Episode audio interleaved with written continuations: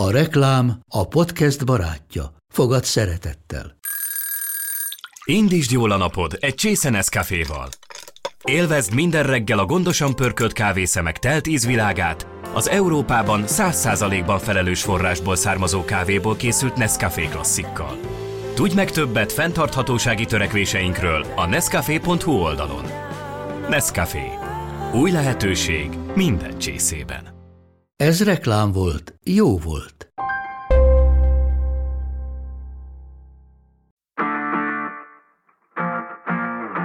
vadregényes természet, történeti kert, Budapest nyugat-szigete. Ezeket a szavakat halva valószínűleg keveseknek jut először eszébe a Népliget. A legnagyobb és a legrosszabb hírű budapesti közpark, ami az elmúlt évtizedek nagy rendezési álmaiból egyet sem tudott valóra váltani. De ez a mi zöld csipkerúzsikánk talán végre az ébredésre készül.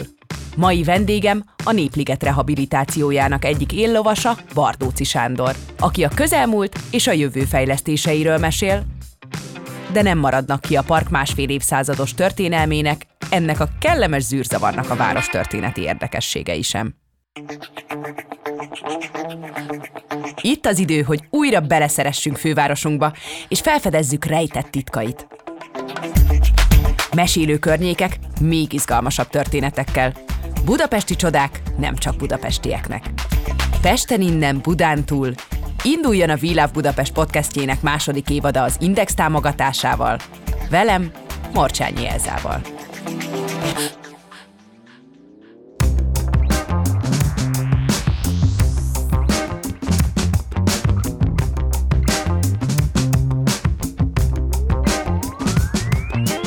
Bardóci Sándorral fogok ma beszélgetni, aki a budapesti zöld felületek és területeknek a szakértője egyértelműen, és Budapest főtájépítésze. Ezt a titulost ezt 2019-ben te magad alkottad, ezt jól tudom, ugye?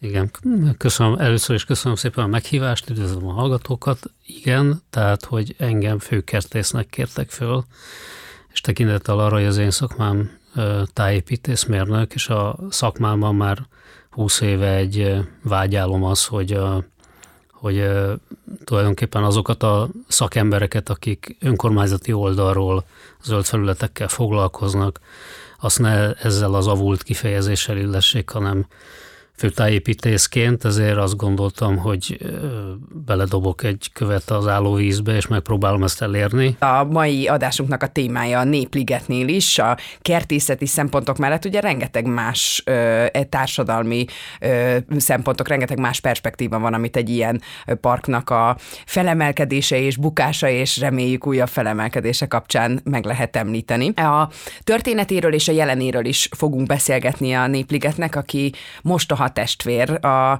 két liget, egy sziget, három gráciánk közül. Hiába ő a legnagyobb és a legfiatalabb is, emellett még a legrosszabb hírt is neki sikerült gyakorlatilag töretlenül az elmúlt egy évszázadban magáénak tudni. Tudnál nekünk mesélni arról, hogy hogyan is alakult ki a Népliget, mióta mondjuk, hogy Népliget, mi, hogy kezdődött a története? A történet úgy kezdődött, hogy itt korábban ö, elsősorban homokbánya volt, egy, tehát egy olyan terület, ami nem nehezen, vagy egyáltalán nem építhető be. És amikor a, az állam elhatározta, hogy először abban volt érdekelt, hogy, hogy egy országos tehát egy világkiállítás kezdetei felé evickél, tehát ugye a nagy párizsi, londoni világkiállítás meghozta a kedvet arra, hogy Magyarországon is legyen. Ez a 19. század. Így van, ez a 19. század vége. Tehát a kiegyezés egy nagyon prosperáló ö, ö, nagyváros hiasodó ö, ö, városról beszélünk, aki meg akarta mutatni saját magát. Kiszemelték a Városligetet, ami már készen volt, hogy ennek a kulisszái használják erre föl. Természetesen világkiállítás ebből nem lett, de egy a milleniumi ünnepséghez köthető nagy országos kiállítás az igen. Ez 1885-ben is volt egy országos kiállítás, majd azt követően a, a milleniumi ünnepségek keretében lett ott egy, egy nagy kiállítás, akkor merült fel a városatyákban, hogy ezzel párhuzamosan kompenzációként létre kellene hozni egy népligetet, és akkor került sor arra, hogy ugye ez már a nagyjából a városegyesítés korában akkor született egy nagyon jó városfejlesztési terv, ami hosszú távon azt vízionálta, hogy a város határán egy nagy zöld gyűrű, a Pesti oldalon egy nagy zöld gyűrű alakul ki, és ebbe a sorba illeszkedett volna a Városliget, Istvánmező, ami most ugye a, a, a, a, az ügető, uh-huh. a Fiumei úti temető, Népliget, és tehát egészen a város karéján egy ilyen nagy-nagy zöld liget szerkezetet, vagy egy, vagy egy zöld gyűrűt álmodtak. Hát ebből a zöld gyűrűből azért csak bizonyos elemek tudtak megvalósulni, és nagyon sok az idők során beépült. Ebből a vizionált nagy zöld gyűrűből ugye megvalósult a Városliget, részben ugye az István mezei Fiumei úti temetővel az is nevezhető abban a korban még zöldnek, illetve ugye megvalósult szépen lassan a népliget.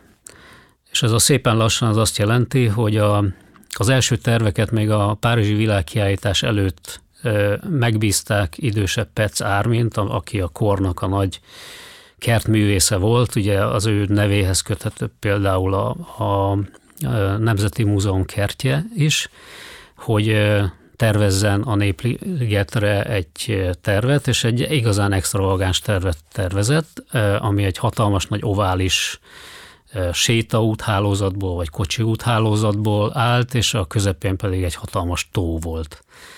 És hát ezt nagyon sokáig azt gondolták, hogy majd ezt fogják megvalósítani, hogy kivittek, kivitték villogni ezt a tervet a világkiállításra, majd aztán rájöttek, hogy ez egyrészt nagyon sok pénz, másrészt meg mondjuk egy homokbányából borzasztóan nehéz egy tavat fabrikálni, és hát kezdődtek mindenféle előfásítások, ezek az első körben totál sikertelenek voltak, mert a homokon nagyon kevés növény maradt meg, és akkor lépett a színre Ilzamon keresztély, aki akkoriban a főváros főkertésze lett, és az ő, tervei nyomán kezdett aztán megvalósulni az úgynevezett Óligeti rész, ami a Vajda Péter út és az Üllői közötti szakasz. Ugye első körben azt gondolták, hogy ez lesz a park, és a fölötte lévő területről még nem gondoltak semmit. Uh-huh. És tulajdonképpen azok a vonalak, amit sétaút hálózat, növények, azok gyakorlatilag az ő irányítás alatt meg is valósultak nagyjából a 20. század elejére. Uh-huh.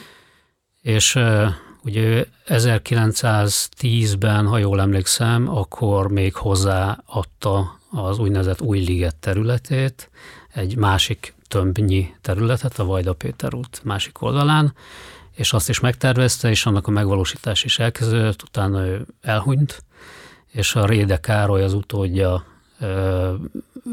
részben áttervezve, kiegészítve, egy kicsit túl is cicomázva ezt a történetet, kezdte el aztán befejezni ezt a, ezt a nagy művet, és nagyjából a, a 20-as évek elejére ez ez olyan mértékben készen állt, hogy, hogy akkor már a városlakók is ugye nagyon kicsi fákat ültettek, tehát eleinte akik kimentek a millennium körül, azok gyakorlatilag élvezhetetlennek nyilvánították a, a népligetet, tehát akkor már utána volt húsz év, hogy megnőjenek ezek a fák, legyen árnyék, és akkor, akkor kezdték el használni, és tulajdonképpen a 20-as évek 30-as évek volt a Népligetnek az az aranykora, amikor a legjobb állapotban volt. Uh-huh.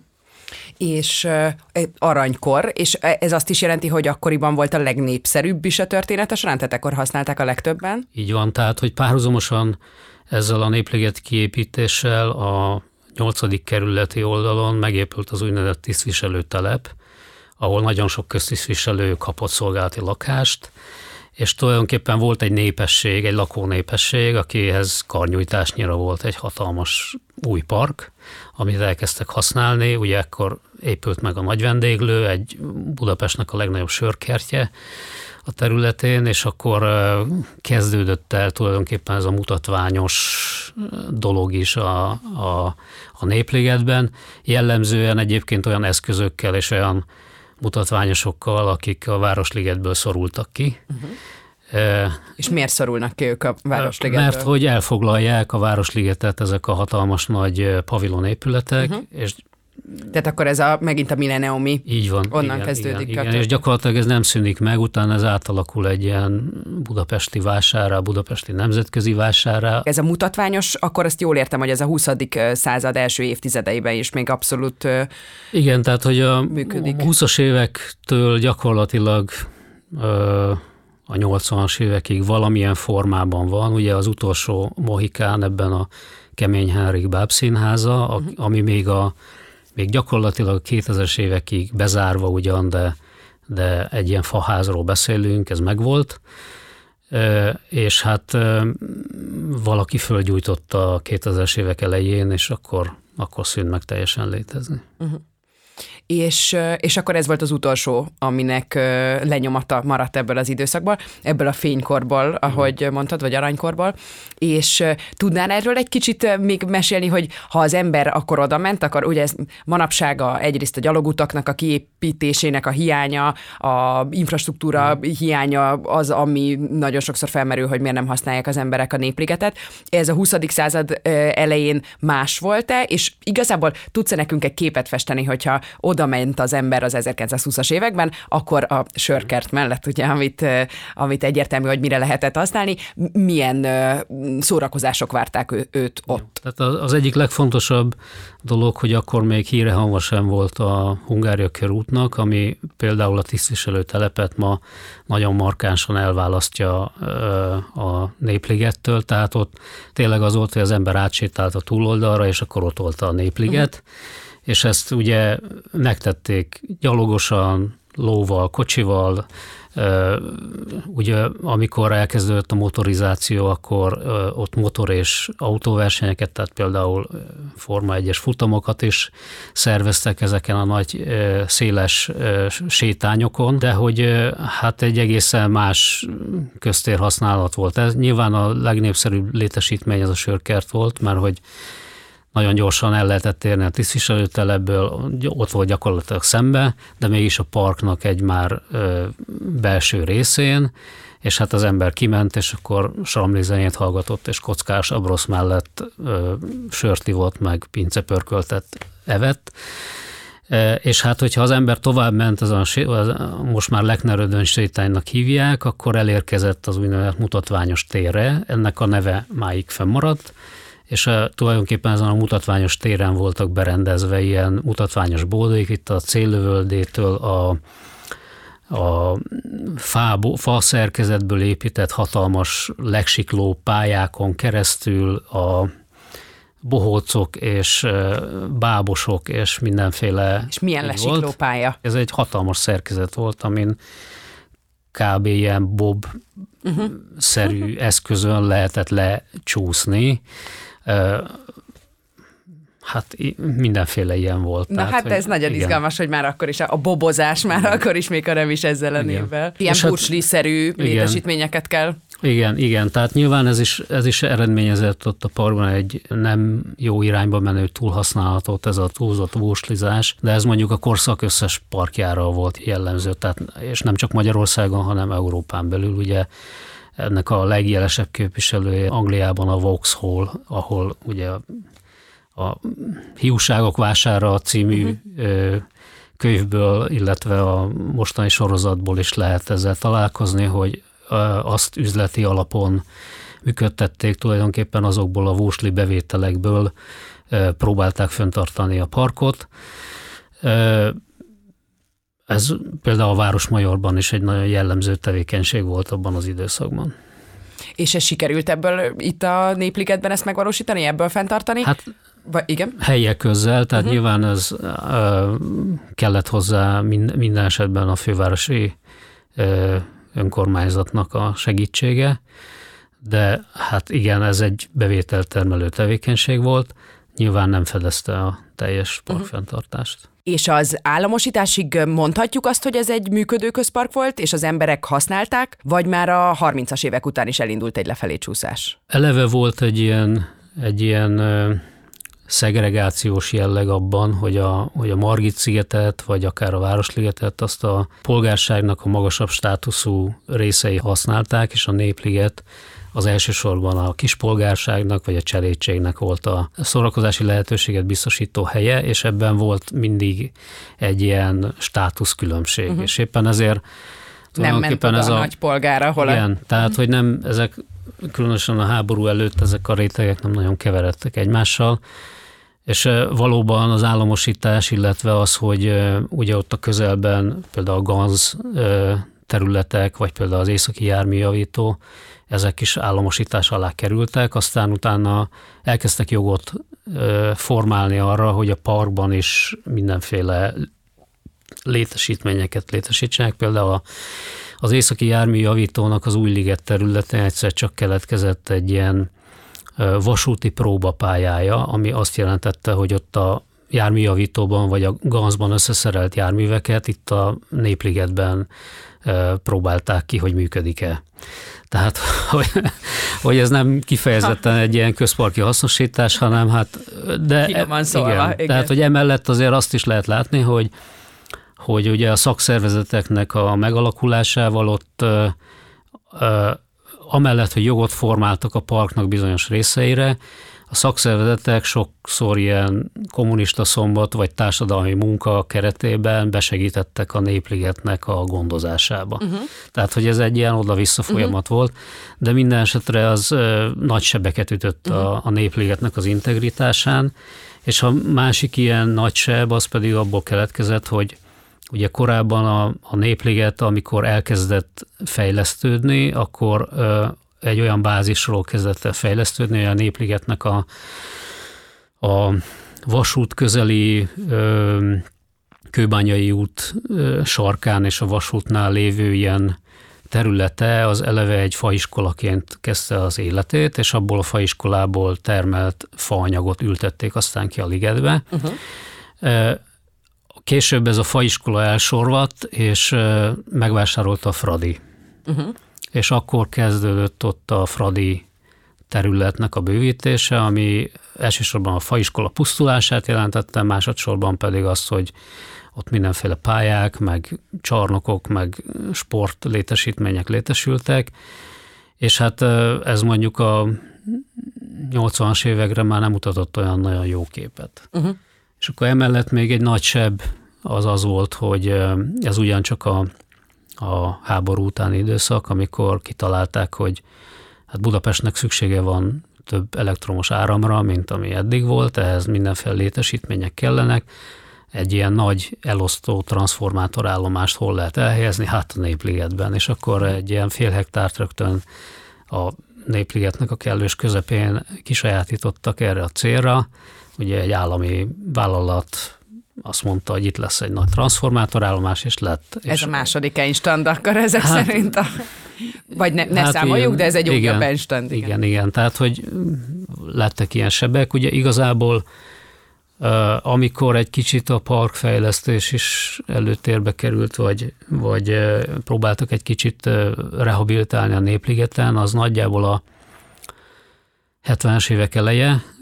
Részben a 73-ban ugye akkor volt 100 éves Budapest, és akkor mindenféle ilyen kapcsolódó fejlesztések történtek. A Népligetben is kiírtak egy tervpályázatot egy területre, ahol az volt az elképzelés, hogy a minden egyes megyének adtak egy parcellát, hogy ott a saját megyéjüket valamilyen kis kertrészletben jelenítsék meg, és ezt minden egyes megyében, egy-egy ilyen megyében dolgozó tervező tette meg.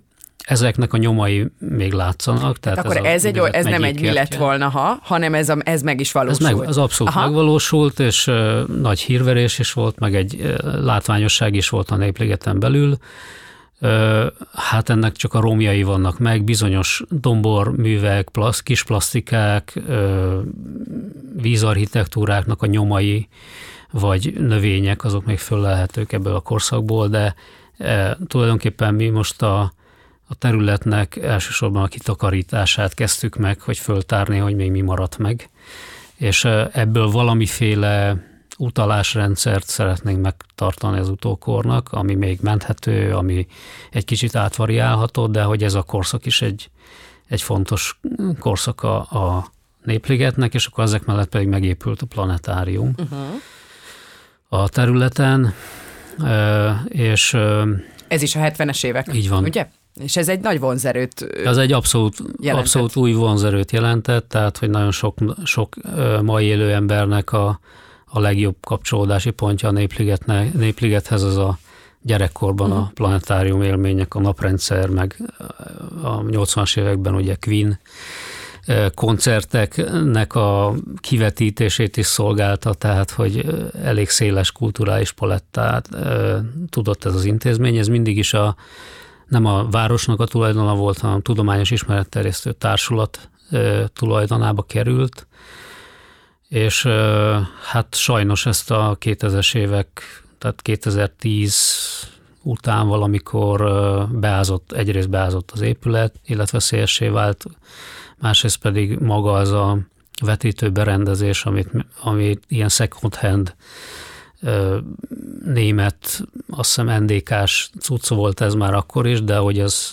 fölmondta a szolgálatot, és nagy költséggel cserélhető, és bezárták, és azóta is zárva van. A hírhetsége vagy a rossz renoméja az a 20.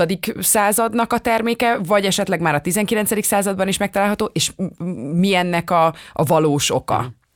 A 19. században még egyáltalán nem, nyoma sincs, sőt azt mondom, hogy nagyjából a 20-as évek végéig ilyen jellegű fölütés nem volt a népligettel kapcsolatban. Ugye itt a, a szegregáció az, az valóban azt eredményezte, hogy a alacsonyabb státuszú rétegeknek egyrészt a szórakozási ö, spektrumuk, tehát hogy ez a vurstlés, uh-huh. borzasztó hangos, lövészet. Nem a finom opera előadások van, voltak. Van, tehát, hogy ez is megalapozta valamennyire ezt a rossz hír, hírnevet, és akkor ez a, ehhez társultak a részeges mulatozások, ezek, ezek már gyakorlatilag akkor a 30-as években már, már úgy megkülönböztették a parkokat uh-huh. egymástól. Ö, és hát tulajdonképpen a, a leromlás az elsősorban annak köszönhető, hogy elkezdték szalámizni a parkot, szétszedni, de igazán a És nagy... akkor ez megint a 40-es évek, meg az 50-es hát éveknek ez, ez a... már inkább az 50-es uh-huh. évek, és igazán a rendszerváltás után lett aztán egy, egy nagyon rossz híre, hiszen a rendszerváltáskori állam, tehát, meg az önkormányzatok is eléggé le voltak gatyásodva anyagilag, és hát a, mindig is a közparkokra vagy a zöld felületekre jutott a kevés pénz. A, ez az átalakuló piacgazdaság az eleve a 90-es években úgy tekintett a zöld felületekre, hogy ezek olyan dolgok, amik csak viszik a pénzt és nem uh-huh. hozzák, és nem nagyon investált abba, hogy ez a park megtartsa a minőségét, és a nagy leromlás az gyakorlatilag a 90-es években uh-huh. kezdődött, és ugye ez, ez az a éra, amikor aztán ugye már nem üldözik államilag a prostitúciót, vagy vagy mondjuk a korábbi közveszélyes munkakerülő státusz helyett megjelenik a nagyszámú munkanélküliség, és ezzel együtt a hajléktalanság, és ugye ezeket a területeket megtalálják ezek a, ezek a területhasználatok. Uh-huh. És hát akkor ezzel egy újabb szegregáció jön létre, uh-huh. hiszen akik a belső területről kiszorulnak, azok hova is mennének. Hogyan lehet az embereknek a véleményét megváltoztatni valamiről, ahova nem is mennek el? Uh-huh. Így van. Tehát ez, ez, ez a legnehezebb, és eh, ezzel akkor szembesül az ember, amikor azt gondolja, hogy a, az első lépése egy ilyen parkrehabilitációnak mindenképpen az kell, hogy legyen, hogy az embereknek a gondolkodását megváltoztassa a parkról. Mert hogy amit ma gondolnak a népligetről az emberek, annak gyakorlatilag a töredéke igaz. Uh-huh.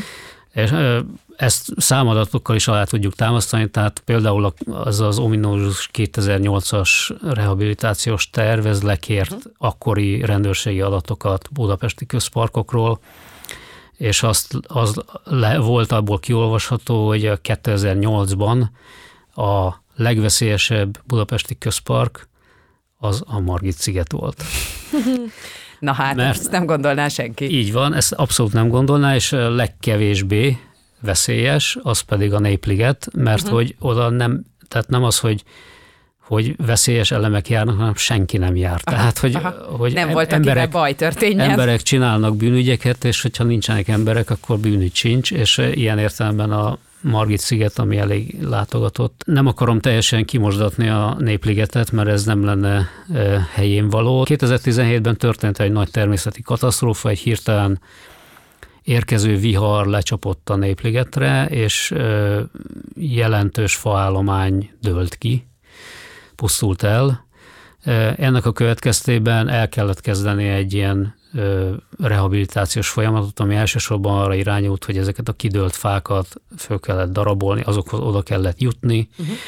el kellett szállítani, és ezért ki kellett tisztítani azokat a korábban spontán, bozótosan benőtt területeket, amit előszeretettel használtak szemetelésre, mindenféle tűknek a karokba való uh-huh. szurkálására, és adott esetben mondjuk hajléktalanoknak a szállásaként szolgált, és ezeknek a területeknek a kitisztítása az maga után vonta azt is, hogy gyakorlatilag ezeknek a problémáknak a zömét ezzel a kezeléssel uh-huh.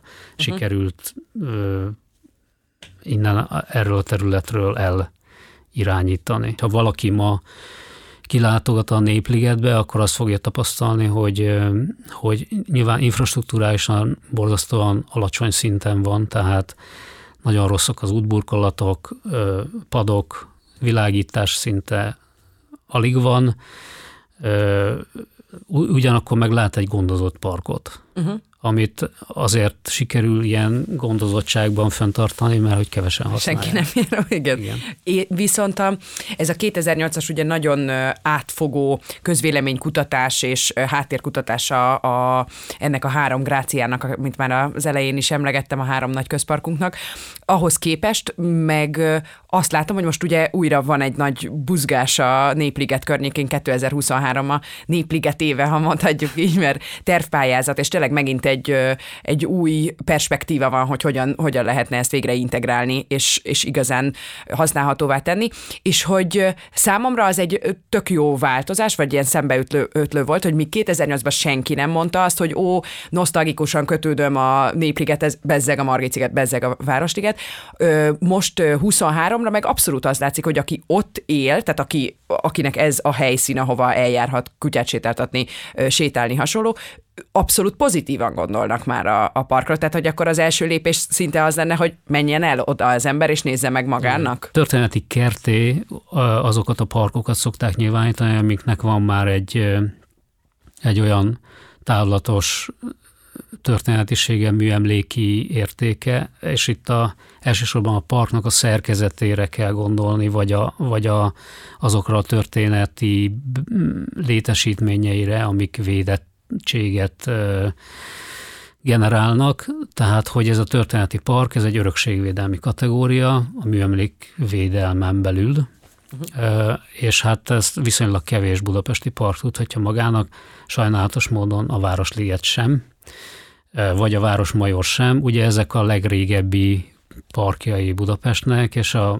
sokkal fiatalabb, tehát hogy 60 évvel később létesült, mint ezek, ezek a parkok. Ugye a Városmajor volt a legelső ilyen budapesti közpark, a Városliget a második, és ezzel tulajdonképpen ők a, a, világ, a világ második és világ harmadik hm.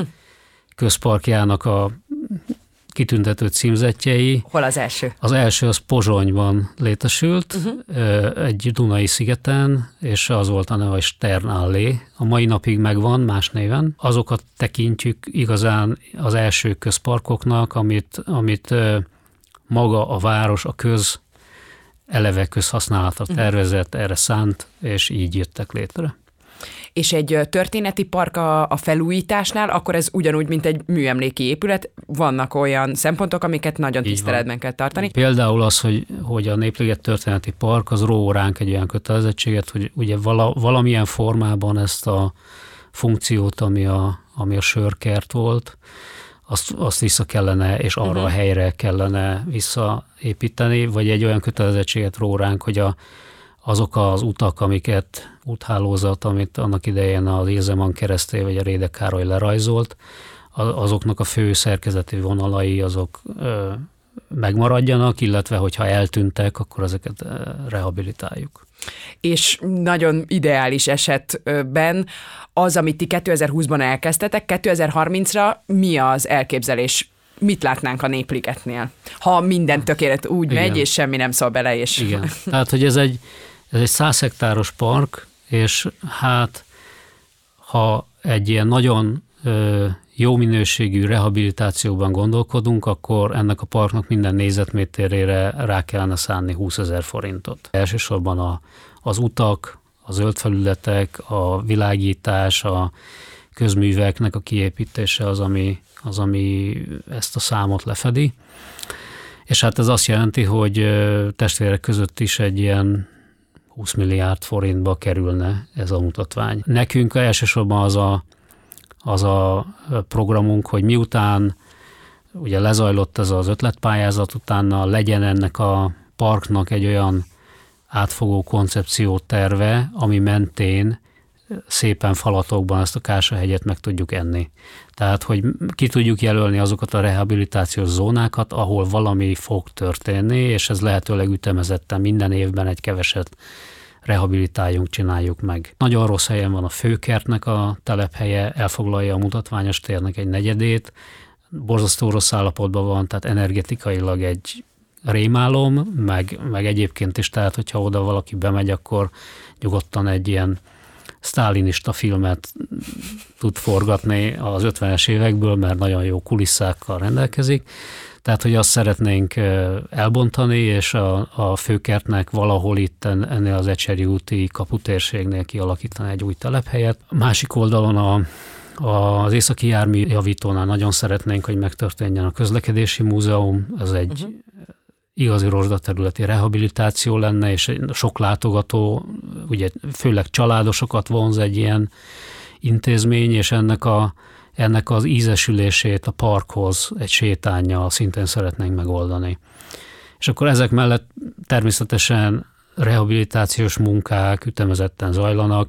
Ugye kis léptékű beruházásokat közösségi költségvetésből fogunk tudni finanszírozni. Ugye mindig előkerül az, hogy kevés a közvécé, a Népligetben egyáltalán nincs, tehát itt Például az idén is versenyez egy ötlet, egy alulról jövő ötlet, hogy legyen több közvécék közparkokban, és ha ez például nyerni fog, és erre forrást tudunk elkülöníteni, akkor szeretnénk ezt a népligetbe irányítani, ezt a, uh-huh.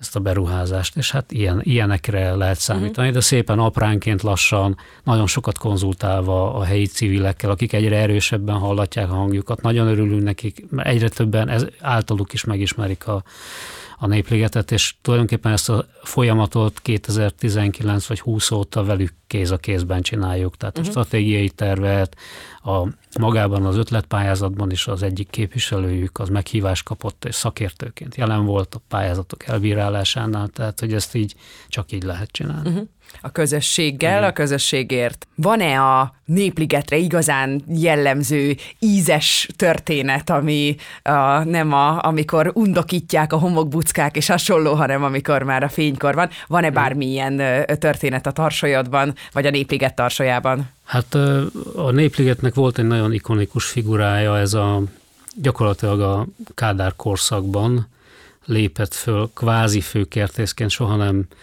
nem volt kinevezett főkertész, de nagyon meg kell említeni a Pesti Lászlót, aki ott a főkertnek az üzemegység vezetője volt nagyon sokáig, és ő a maga partizán módszereivel próbált egy kicsit mindig csinosítani a, a, a népligeten. Az ő találmánya például az, hogy ezek, ezekbe a, a sétaút hálózatoknak a kereszteződésénél, a csomópontjainál kialakított ilyen kör alakú ligeteket, amit különböző fajtájú fákkal, egyfajta fával mindegyiket alakítottak ki, és ezeket ilyen szintén partizán módszerrel, nem ö, ö, hivatalos elnevezéssel, de elnevezte. És akkor éppen ezért, mit tudom, például van Radó, Radó Dezső körönd. Ugye uh-huh. a Radó Dezső az a főkertnek az ikonikus igazgatója volt. A tervnek a névadója. És, és hogy számtalan ilyen köröndöt alakított ki, mindegyiket más-más fajtájú fából, és megiklett egy picit ez a planetárium történet is, és elkezdett ilyen kis plastikákkal bolygókat létrehozni, amiknek a távolságát a, a planetáriumtól, mint naptól Jaj, de jó. pont úgy számította ki, ahogy a naprendszerben egyébként aha. ezek a bolygók vannak, és akkor ezek, ezek az emlékek például föllelhetők a ligetben, oh, ezek aha. ilyen easter egg jelenleg, és az biztos, hogy a Pesti Lászlónak valamilyen emléket érdemes lenne állítani. Ugye a nagy gyűjtögető is volt az öreg, tehát amikor az ülői úton felszették a macskaköveket, akkor ő azt szépen begyűjtötte a népligetbe, és csinált nekik egy depóniát, lefette föl, de hogy senki ne lopja el, tehát gyakorlatilag az nekünk ott van készleten, és ebből a bazalt macskakőből akár a népligetben felhasználva ezeket tudunk egy jó sétányhálózatot létesíteni. Na, olyan volt ő ezek szerint a Igen. népligetnek, mint Stróbel az epreskertnek, hogy gyűjtögetéssel tette Igen. egyedivé. Nagyon szépen köszönöm. Ezek szerint akkor van mit látni, hogyha oda megy a, az ember, és akkor biztatunk minden hallgatót, hogy nézze meg magának, és írja felül ezeket a rossz benyomásokat. Nagyon szépen köszönöm a beszélgetést beszélgetést. Én is köszönöm. Ez volt a Pesten innen Budántúl, a Világ Budapest podcastja az Index támogatásával. Az epizódot szerkesztette Fürdős Zsanett, a műsort Világ Budapest oldaláról Kovács Nóra, Zacek Ágnes és Tamasi Szilvia gondozta. A showrunner Orsós Lajos, felvétel és hangutó munka Kozma Ádám, kreatív producer Román Balázs, producer Hampuk Riárd. A felvételek a Beaton stúdióban készültek. Ha tetszett a műsor, hallgass meg a következőt, illetve az első évad részeit is, és értékelj minket öt csillaggal. Beaton A műsor a Beaton partnere.